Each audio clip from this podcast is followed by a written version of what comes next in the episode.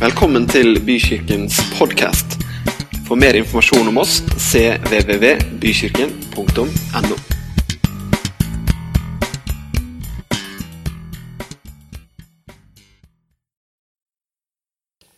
Julia hun vil at vi skal bestille konteiner.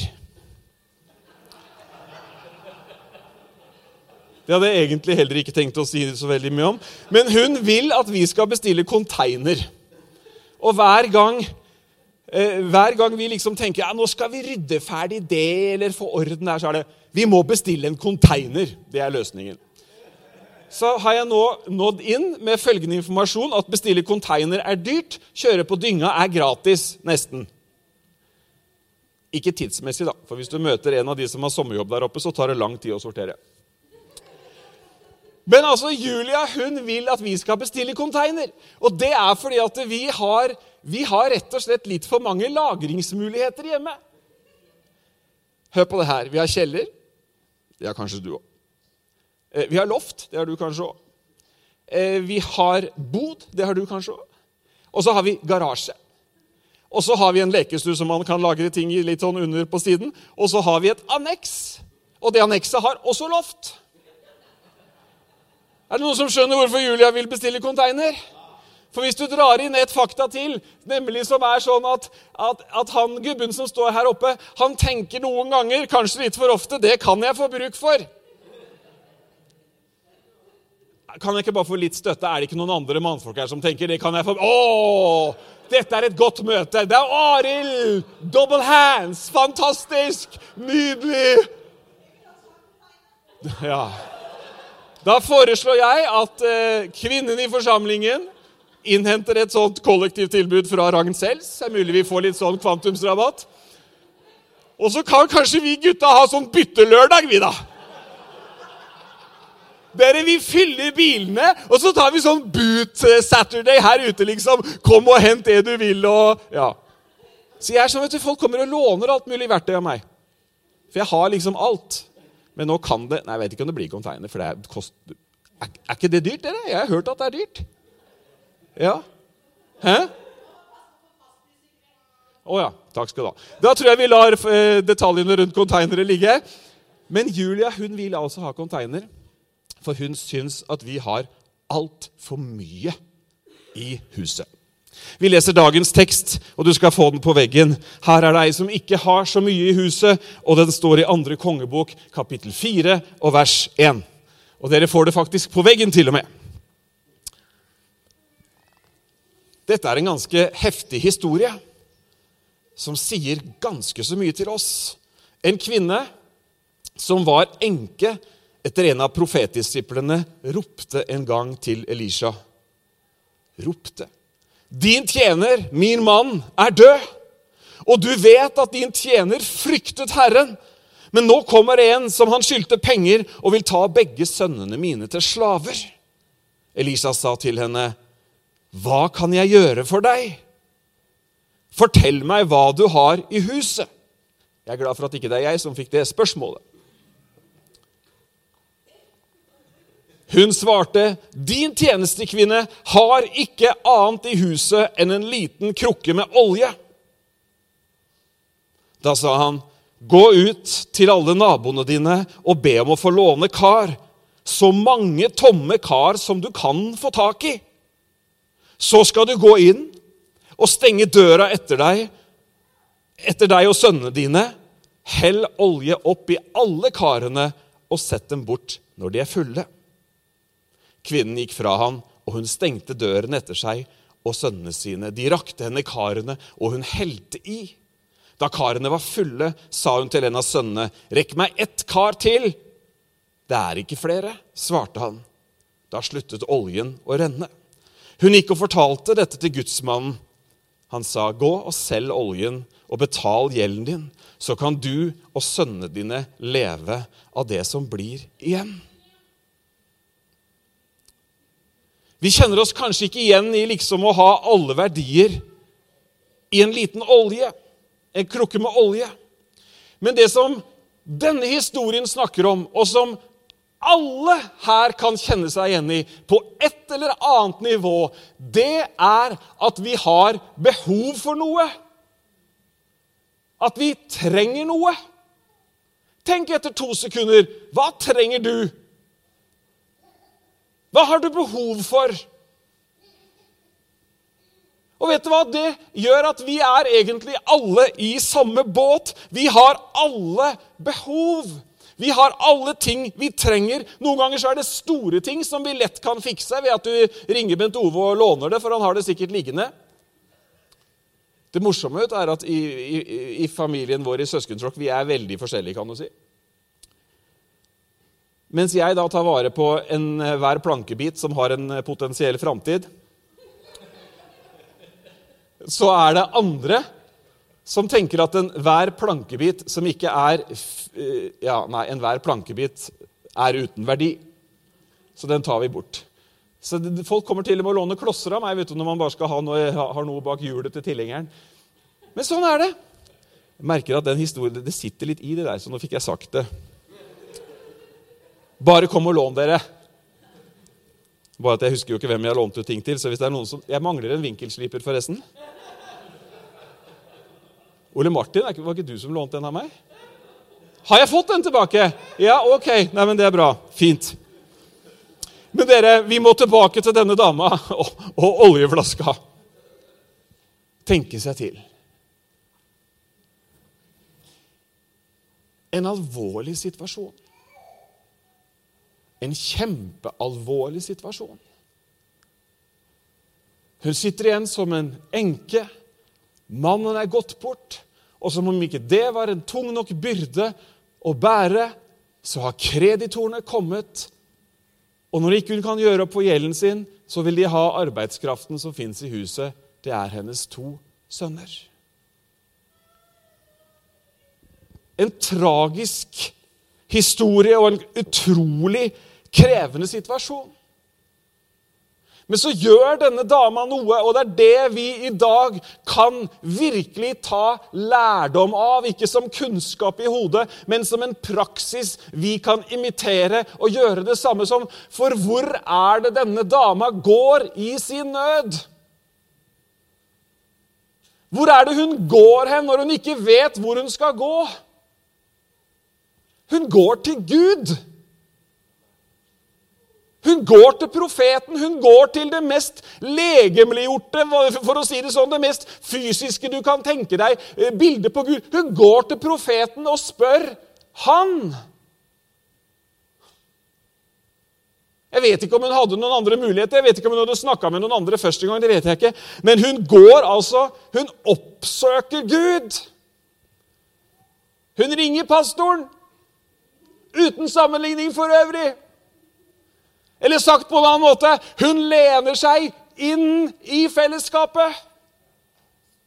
Hun dukker opp på Life-gruppa, hun kontakter de kristne vennene sine. Hun søker de som har med Gud å gjøre. Han er trofast.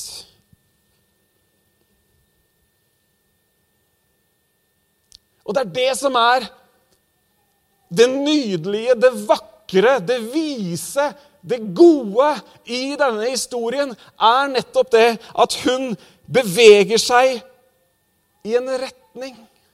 Hun beveger seg mot Gud. Jeg husker når jeg var ung, så hadde vi en mann i, i menigheten som hadde hatt masse problemer med alkohol. Han hadde tatt imot Jesus, han hadde blitt en kristen, og livet hadde absolutt fått en annen retning. Men så hendte det, sånn som det gjør hvis du har hatt problemer med den type ting, så hendte det at han sprakk, som han sier. Og dere som ikke kjenner begrepet, det betyr ikke at han eksploderte. Slapp av. Det betyr bare at han liksom klarte ikke å holde den grensa, og så drakk han seg full. Men vet du hva som var så fantastisk? At hver gang han gjorde det, nå var ikke det så mange ganger, og for hver gang han hadde gjort det, så ble det bedre. Og dag, den dag i dag, jeg har kontakt med han fortsatt, så er han helt, helt fri fra det livet. Men når han sprakk, så oppsøkte han det kristne fellesskapet. Han låste ikke døra og liksom OK, det nytter ikke, det finnes ingen løsning. Nei, han dukka opp på møtet. Gjerne litt full. Det er herlig, dere. Jeg håper at vi skal ha flere fulle folk på møtene. Ja, men det mener jeg. Jeg mener det. Jeg håper at vi liksom skal liksom oppleve at folk kommer uten sminke også. Med og uten sørgeklær er du velkommen til bykirken. Hallo! Om du liksom ikke rakk å skifte verken holdt på å si, rent konkret fysisk eller var på topp åndelig eller sjelig, du er alltid velkommen. Det er mer enn to ord. Velkommen uansett. Vi mener det faktisk. Hvorfor det? Fordi vi er, vi er som profeten Elisa og har løsningen? Ja. Altså ikke vi. Men vi kjenner én som har evne til å ta tak i det lille initiativet vi har, det lille som fins der på innsiden, som han kan, faktisk kan handle på og gjøre noe. Og hør hvordan profeten møter henne. Han sier ikke 'du, det var fint å se deg'. Håper vi ses neste søndag. Fint å se deg, det er liksom en sånn åpningstrofe som er fint å si når du ser folk. Det er det som kommer etter 'fint å se deg', som er interessant. Er du ikke enig?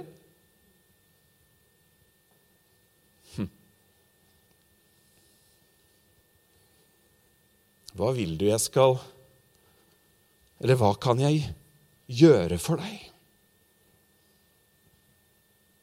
Det merkelige er at vi møter denne, vi møter denne måten å stille spørsmål ved ved helt åpenbare situasjoner, også når Jesus går rundt her nede.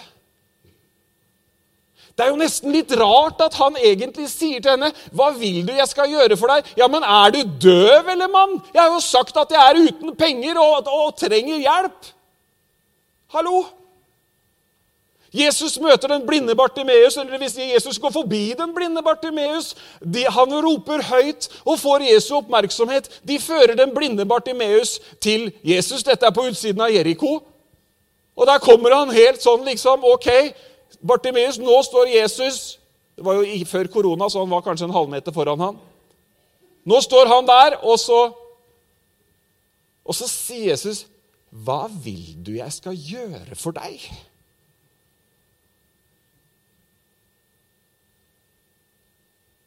Er det bare jeg som syns det var et rart spørsmål? Det er et rart spørsmål. Det er innlysende, Jesus. Jeg ser ikke. Herre, at jeg må få synet mitt tilbake.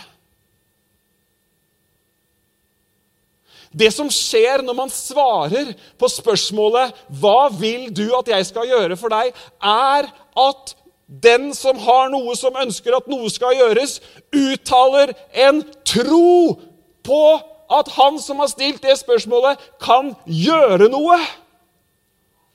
Troen taler. Troen er ikke passiv.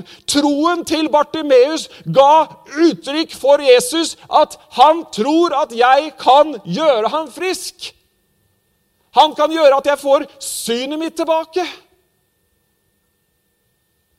Derfor er det viktig at vi uttaler vår tro. Derfor er det viktig, som Inger-Lise leste her, at vi holder Eller kanskje på møtet før møtet, det husker jeg ikke. Men at vi holder fast ved bekjennelsen av vår tro. Og på det grunnlaget så kan Gud gjøre noe, fordi at Gud, han handler på vår tro. Denne enka kunne ha valgt en annen vei. Hun kunne vært så fresende sint på hele menighetslivet og profeten og hele pakka. Er du ikke enig? Han hadde sikkert gått på sånn ganske lav lønn, han her profetdisippelen, kan jeg tenke meg. I hvert fall så hadde ikke de andre disiplene på den tiden så veldig mye lønn. Og, og, og hun kunne ha retta en, en, anklagende neve mot Gud. Hvorfor kunne dette skje? Og så videre, og så videre. Jobb gjorde det. Jobbs bok i Bibelen er en lang Det er mye bra der også, men det er en lang anklage mot Gud og hvordan han kunne gjøre at dette egentlig skulle skje. Og det er helt naturlig at vi som mennesker finner årsak. Det er helt naturlig at vi som mennesker gjerne vil ha noen vi kan ta, noen vi kan legge skylda på, eller klandre. Og noen ganger så klandrer vi også oss sjøl. Hvorfor sparte jeg ikke mer penger? Kanskje hun var der, enka? Hvorfor la jeg ingenting til side? Hvorfor levde jeg som om hver dag liksom var den helt siste? Hvorfor, tenk, hvorfor så jeg ikke dette komme? Hvorfor lagde jeg meg ikke et sikkerhetsnett? Og så videre. Jeg vet ikke, Vi leser ikke så mye annet om denne dama enn akkurat det. At hun tar med seg utfordringen til Gud. Hun tar den ikke engang bare med seg inn i sin stille stund, men hun går til profeten med det. Det er bra å ta det i sin stille tid også. I Matteus 6 så står det men når du ber, skal du gå inn i rommet ditt og lukke døren og be til din far som er i det skjulte. Og din far som ser i det skjulte, skal lønne deg. Hele tiden, ofte. Når jeg snakker med mennesker, så legger man skylda på noen, eller man klandrer seg sjøl. Og det er helt greit, dere. Sånn kan det være. Jeg tror vi alle har sånne stunder. Men jeg har en inderlig oppfordring og en sterk oppmuntring når ting treffer oss, til å sette retningen mot Gud. Han stiller henne et spørsmål til. Hva har du i huset? Kunne like gjerne vært en liten skvant med mel. Kunne like gjerne vært eh, bitte lite grann korn av et eller annet slag.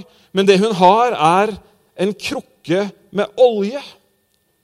Og jeg tror ikke at hun, i motsetning til meg, som gjerne trenger en konteiner. Jeg tror ikke hun hadde en lang inventarliste eller en, en stor bunke eh, med papirer som beskrev eiendelene hennes.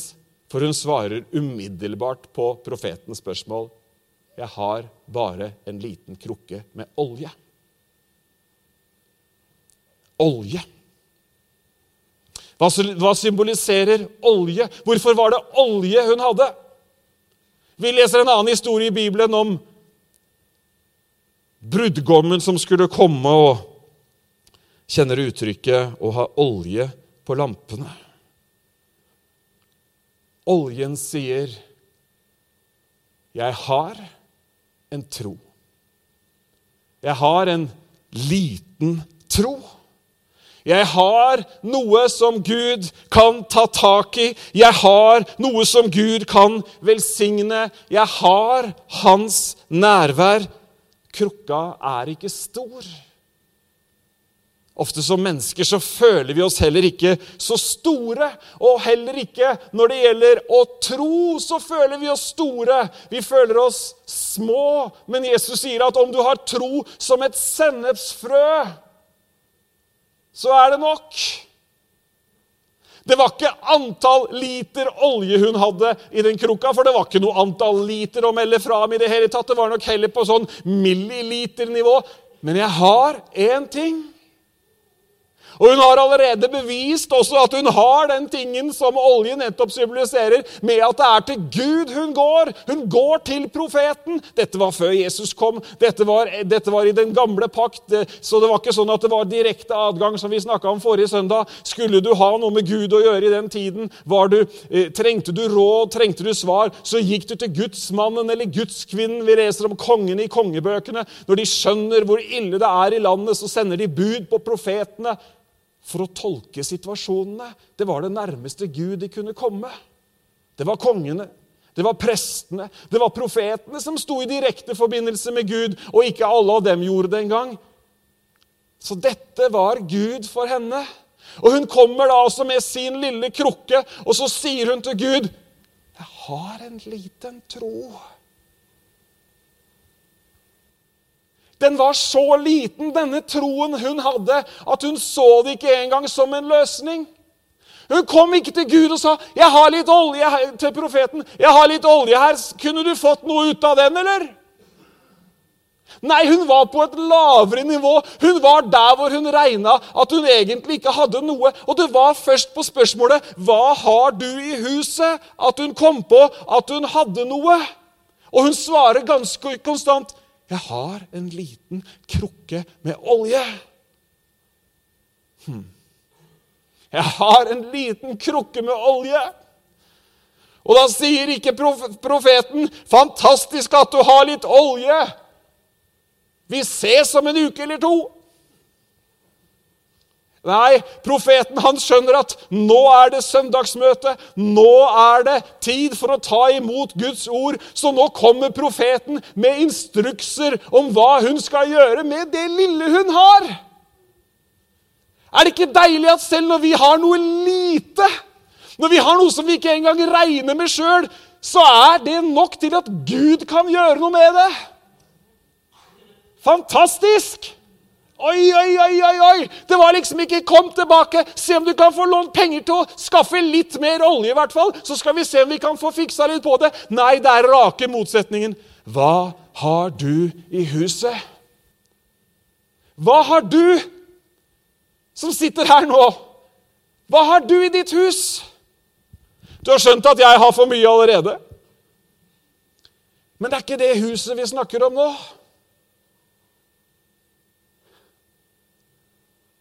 Hva har du i huset? Du har noe i huset. Kan du ikke si det til deg sjøl, i hvert fall inni deg? Jeg har noe i huset. Ja, men han tenker sånn om meg. De har plassert meg der. Ifølge dem så er jeg i den kategorien. Vet du hva? Ifølge noens kategori så er jeg bare en religiøs tulling. Visste du det? Ifølge noen andre så er ikke jeg kristen nok. Tuller du nå? Nei, jeg tuller ikke. Og hvis jeg søker lenge nok, så finner jeg sikkert noen som til og med ville kalle meg en vranglærer. Helt sikkert. Jeg vet ikke hvilken kategori du puttes i. Jeg vet ikke hvordan din tro beskrives av andre. Men det betyr ingenting hvis du har en liten krukke med olje. Hallo! Det du har, det kan han ta tak i. Det kan han velsigne. Det kan han gjøre noe. Det, være, det er grunnlag nok for at han kan gjøre noe. Så profeten han holder fullt søndagsmøte. Han kjører lovsang, han har skriftlesning, og han preker. Og han sier til denne som har til felles med alle oss, at hun har et behov.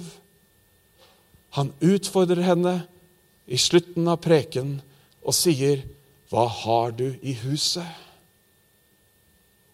Og Søndagsmøtene som du har skjønt på den tiden, de var litt annerledes. Så de har en helt sånn konkret utfordring etter at Skriften er lagt ut.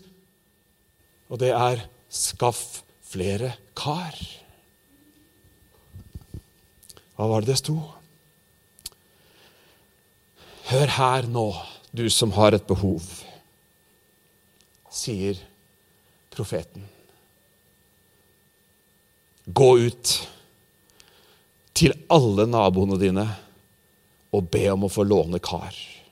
Så mange tomme kar som du kan få tak i. Så skal du gå inn og stenge døren etter deg og sønnene dine. Hell olje oppi alle disse karene og sett dem bort når de er fulle. Vi får hjemmelekse. Skal vi begynne med det sånn på søndagene her? Hender vi gir en sånn liten sånn Du, les det kapittelet hjemme, for der er det mye bra. Kanskje vi enda mer i Raif-gruppen gjør det. Der utfordrer vi hverandre litt.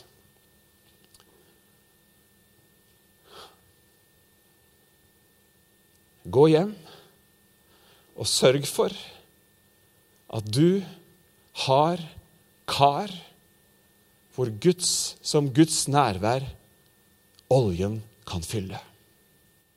Hvordan det ser ut i din uke, det vet jeg ikke. Jeg vet ikke om det er konteineren du trenger, eller om det er opprydding i timeplanen, eller hva det er. Men dere,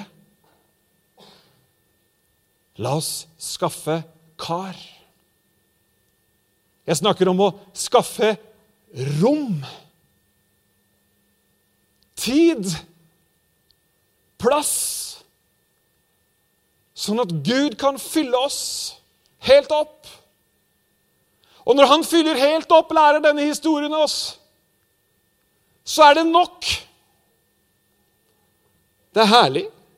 Dette er gjeldssanering à la Bible.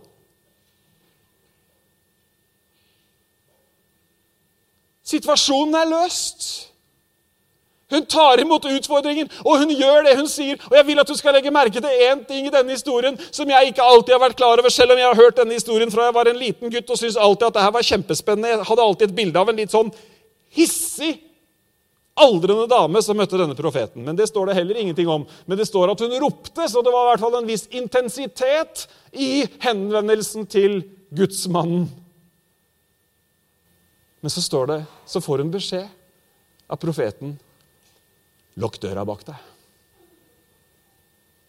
Jeg er helt sikker på at når hun hadde vært rundt og samla alt som fantes av bøtter og spann, tuppevare og leire, isbokser og you name it Jeg er sikker på de sto nede i gata der, hele gjengen, og tenkte hva, hva driver han med nå? Hva driver han med nå? Hun har altså ingenting, og nå har hun lånt tomme kar av oss. Hva i all verden er det hun skal for noe nå? Mennesker har alltid stilt spørsmål ved at troende har gått nærmere Gud. Mennesker, mennesker, menneskene rundt oss skjønner ikke det. Og jeg er helt sikker på så får jeg ta det opp med opphavsmannen når jeg kommer opp. Men jeg er helt sikker på at å lukke døra bak seg handler om at i denne situasjonen her, i denne nøden, så trenger hun, for å gjøre det som virkelig hun skal gjøre, så trenger hun å holde en god del andre stemmer ute.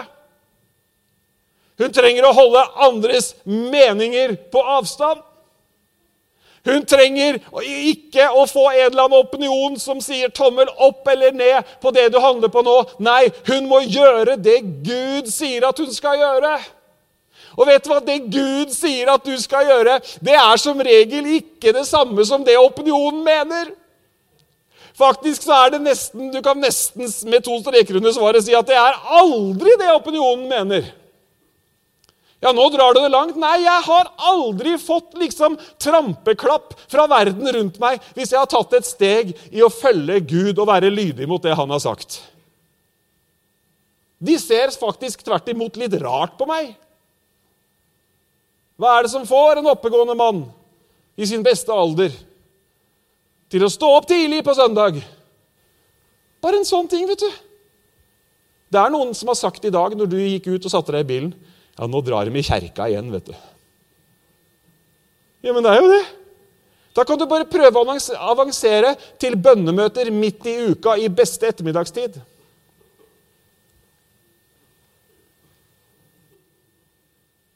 Eller så kan du jo i et fortrolig øyeblikk fortelle at nei da, og, og 10% av det jeg tjener, det gir jeg til Gud med glede, fordi jeg tror at han kan forsørge meg. Da, da er det ytterste kategori da er du, du, er, du er raddis, og du er ekstrem, og, og, du ser at de tenker når du forteller det.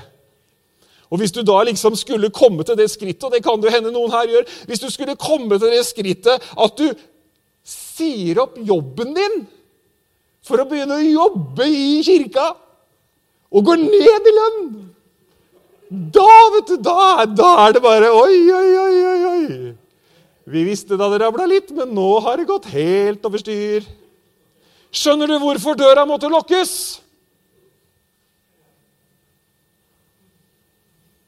Den måtte lukkes.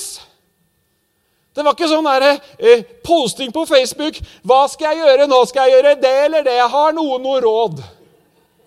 Jeg ser noen som skriver det. Det er helt fantastisk. Den som roper i skogen, får svar, sier jeg da. Gå hjem. Skaff tomme kar. Skaff rom. Lukk døra ute, for alle forstå seg på det, og la min herlighet løse din situasjon. Amen. Amen! Jeg syns det er fantastisk. Jeg blir så oppmuntra av dette her. Og, og jeg, jeg synes det er helt, Ja, jeg blir litt sånn begeistra. Jeg skal bare lese et vers som vi leste forrige uke òg. Du får det på veggen. Det er faktisk flere vers. For du skjønner det at eh, vi har ikke noen profeter å gå til i dag. Jo da, det er en del amerikanere som kaller seg det. Men, men det gode, vet du, som vi snakka om forrige søndag det er at nå kan vi, på grunn av det Jesus har gjort Altså, Jesus var revolusjonerende, sa vi forrige søndag. Han gjorde noe som en ypperste prest aldri hadde gjort før noensinne. Hva da? Han åpna opp for at vi kunne være med helt inn til Gud. Da snakker vi. Da snakker vi. Hør på dette som står i Hebrebrevet, og det er nydelige vers. Så har vi da søsken. Frimodighet ved Jesu blod. Til å gå inn i helligdommen, dit han har innviet en ny og levende vei for oss gjennom forhenget som er hans kropp. Og så konkluderer han sånn allerede til første setning. vet du. Og siden vi har en så stor prest over Guds hus Han her er større enn Elisha, som vi leste om dere. Han er større enn Jeremia. Han er høyere enn englene, denne Jesus som har åpnet en ny og levende vei. Eh, så la oss komme fram. La oss komme fram med oppriktig hjerte og full visshet i troen, med hjertet renset for vond samvittighet og kroppen badet i rent vann. Er det fordi at du har liksom hatt en sånn renselsesprosess og detox? Er det derfor? Nei, det er fordi at han har tatt hånd om hele røklet. Amen. Bare ved troen på han så kan vi da komme med hjertet renset for vond samvittighet og kroppen badet i rent vann. La oss holde urokkelig fast ved bekjennelsen av håpet, for han som ga løftet, er trofast. La oss ha omtanke for hverandre, så vi oppgløder hverandre til kjærlighet og gode gjerninger og la oss ikke holde oss borte når menigheten får samles, som noen har for vane. La oss heller oppmuntre hverandre, og det så mye mer som dere ser at dagen nærmer seg.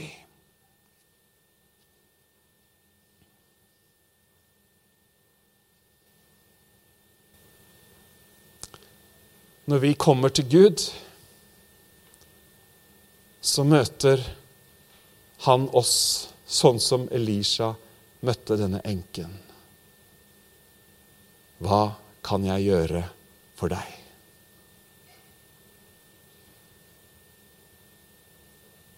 Hva kan jeg gjøre for deg?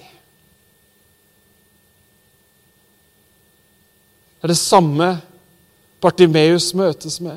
Det er det samme hvert eneste, hvert eneste menneske i dag i 2020 møtes med når man henvender seg til Gud. Hvis du henvender deg til Gud, så møter du en åpen dør.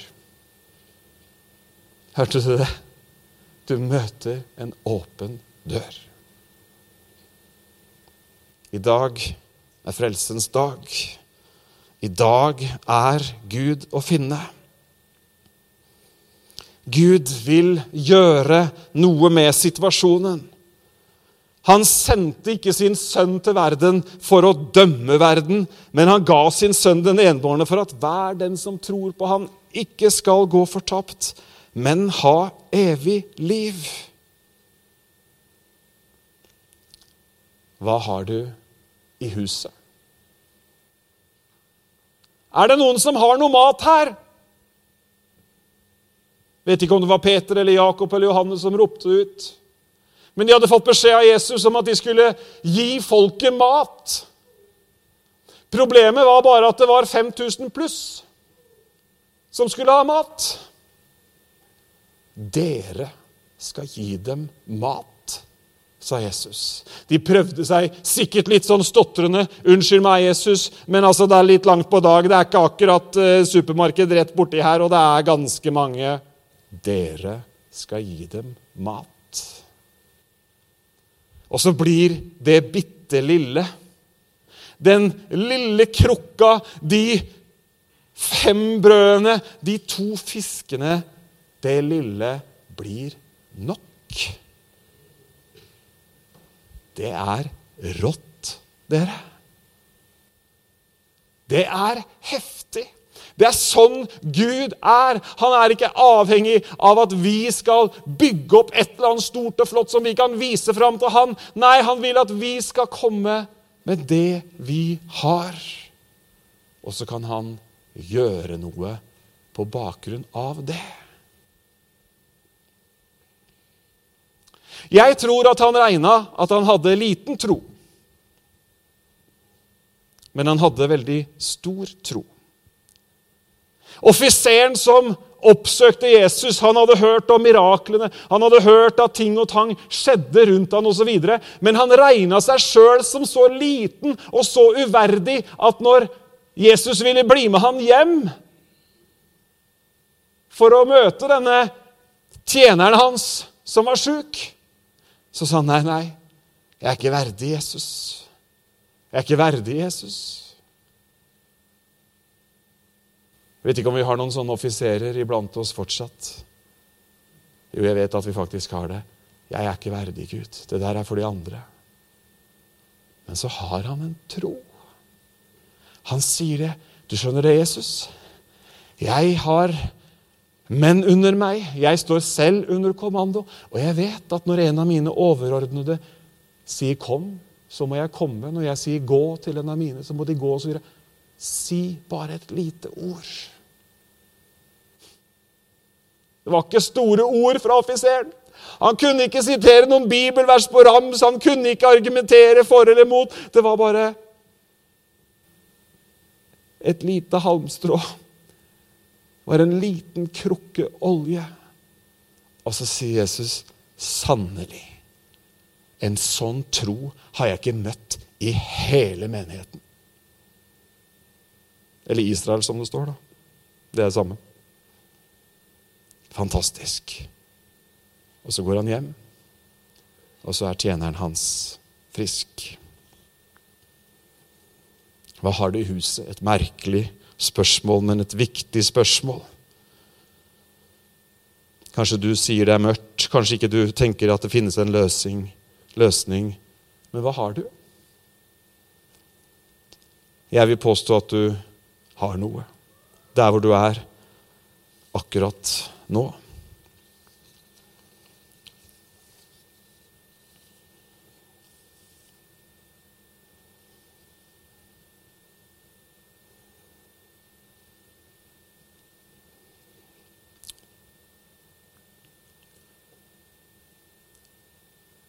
Noen ganger når eh, folk havner i en sånn enkesituasjon, for å kalle det det, en situasjon som ikke synes å ha noen løsning. Så tenker jeg at det er min plikt som pastor og som medbror, og jeg tenker at det er vår felles plikt som brødre og søstre å hjelpe hverandre til å bevege oss i retning av profeten, for å tale billedlig at det er din og min oppgave overfor hverandre å være med på å lede mot Gud. Være med å peke på han som kan hjelpe. Er dere enig i det? At vi som brødre og søstre er med på å lede hverandre mot Gud. Jeg vet ikke, men det kan hende at denne dama hadde en venninne. La oss tenke seg at hun hadde en venninne. La oss tenke oss at det var en forløper til møtet med profeten, og det var en god, nær venninne som hadde sagt, 'Vet du hva, den situasjonen du er i, er kjempevanskelig. Den ser håpløs ut. Men du, la oss søke Gud sammen. La oss be sammen. Kanskje hun til og med sa du, du skulle ikke ta prat med han Elisha. Jeg har hørt at han egentlig er ganske ålreit. Ja. La oss være brødre og søstre som vil hverandre det beste, og det vil vi, tror jeg absolutt. Men la oss være med på å heie hverandre i den retningen vi trenger å gå når vi er i nød. Amen. Vi sitter der, eller vi står der, vi lever, og vi er i kontakt med den levende Gud. Men noen ganger så har vi ikke engang frimodighet til å si La oss be sammen, eller la oss søke Gud sammen.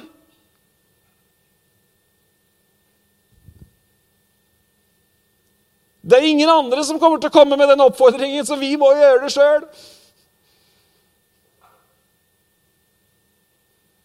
Gud kan. Gud vil.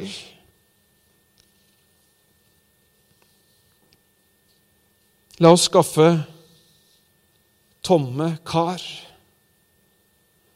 La oss skaffe tid til å søke Gud. La oss skaffe rom for å holde Hans løfter fram.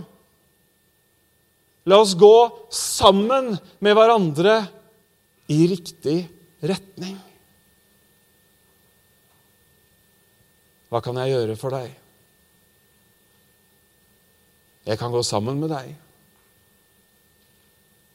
Jeg kan hjelpe deg. Husk på det at du har noe.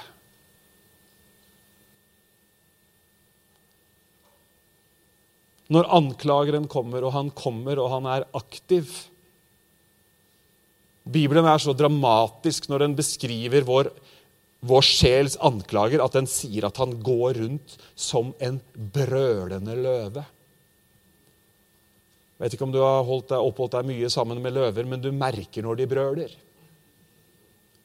Jeg har vært i dyrepark hvor løven brølte. Du vet at det, det føltes som om tiden sto stille. Og Det er en god beskrivelse, fordi at vi har en motstander. Du kommer ikke utom det. Jeg er sikker på at Dere kunne skrevet bok om det hver og en. Hvilken motstand vi møter på vår sjel. Og Bibelen sier at han går rundt, og han brøler. Og han prøver å yte motstand. Stå han imot, så skal han fly fra dere. La oss holde fast ved det han har sagt. La oss holde fast ved løftene, for Gud er trofast. Skal vi ikke be sammen? Så kommer dere opp. Så skal vi bruke litt tid i bønn og lovsang sammen. Vi kan reise oss alle sammen.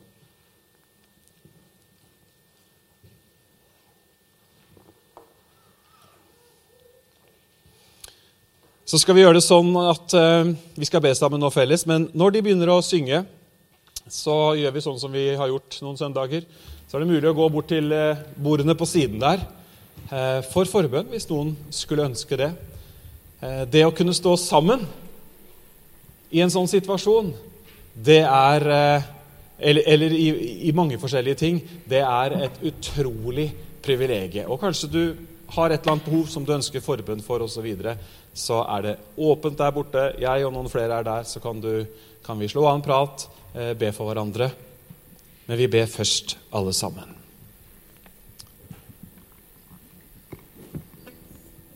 Takk, far, for at du har gitt oss troens gave. Du sier i ditt ord at vi har alle fått et mål av tro. Herre, takk at vi kan lene oss på deg i full visshet, troens fulle visshet, om at det vi har fått, det er nok. Det vi har i huset, det er noe du kan bruke. Det er noe du vil velsigne og forøke og møte behovene. Takker deg for hver eneste en som er her nå.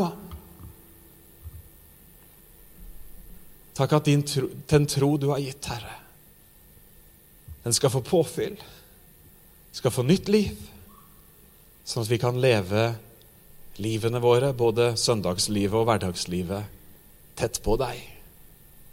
For du har omsorg for oss. Du møter oss aldri med en kald skulder. Men det er en åpen dør, og du er en god far som sier, 'Hva kan jeg gjøre for deg?' Takk at du har åpnet det for oss, Herre. Takk at vi kan komme helt inn. Det står ikke til deg, men det er opp til oss som må bevege oss nærmere deg. Ber om din velsignelse over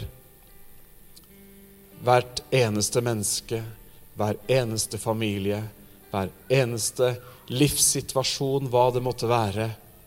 Takker deg, Far, for at du er med. Amen. Takk for din styrke. Din styrke som har sitt utspring i din rike herlighet. Din kraft som er den samme kraften som vekte Jesus opp fra de døde. Det motet som du gir, Herre, den kraften du fyller på med. Ja, vi tar det imot. Halleluja. All god gave kommer ovenfra fra deg. Du er ikke en lunefull Gud med skiftende skygge. Men du er sann, du er god, og du lar din rettferdighetssol gå opp over oss nå. I Jesu navn. Amen.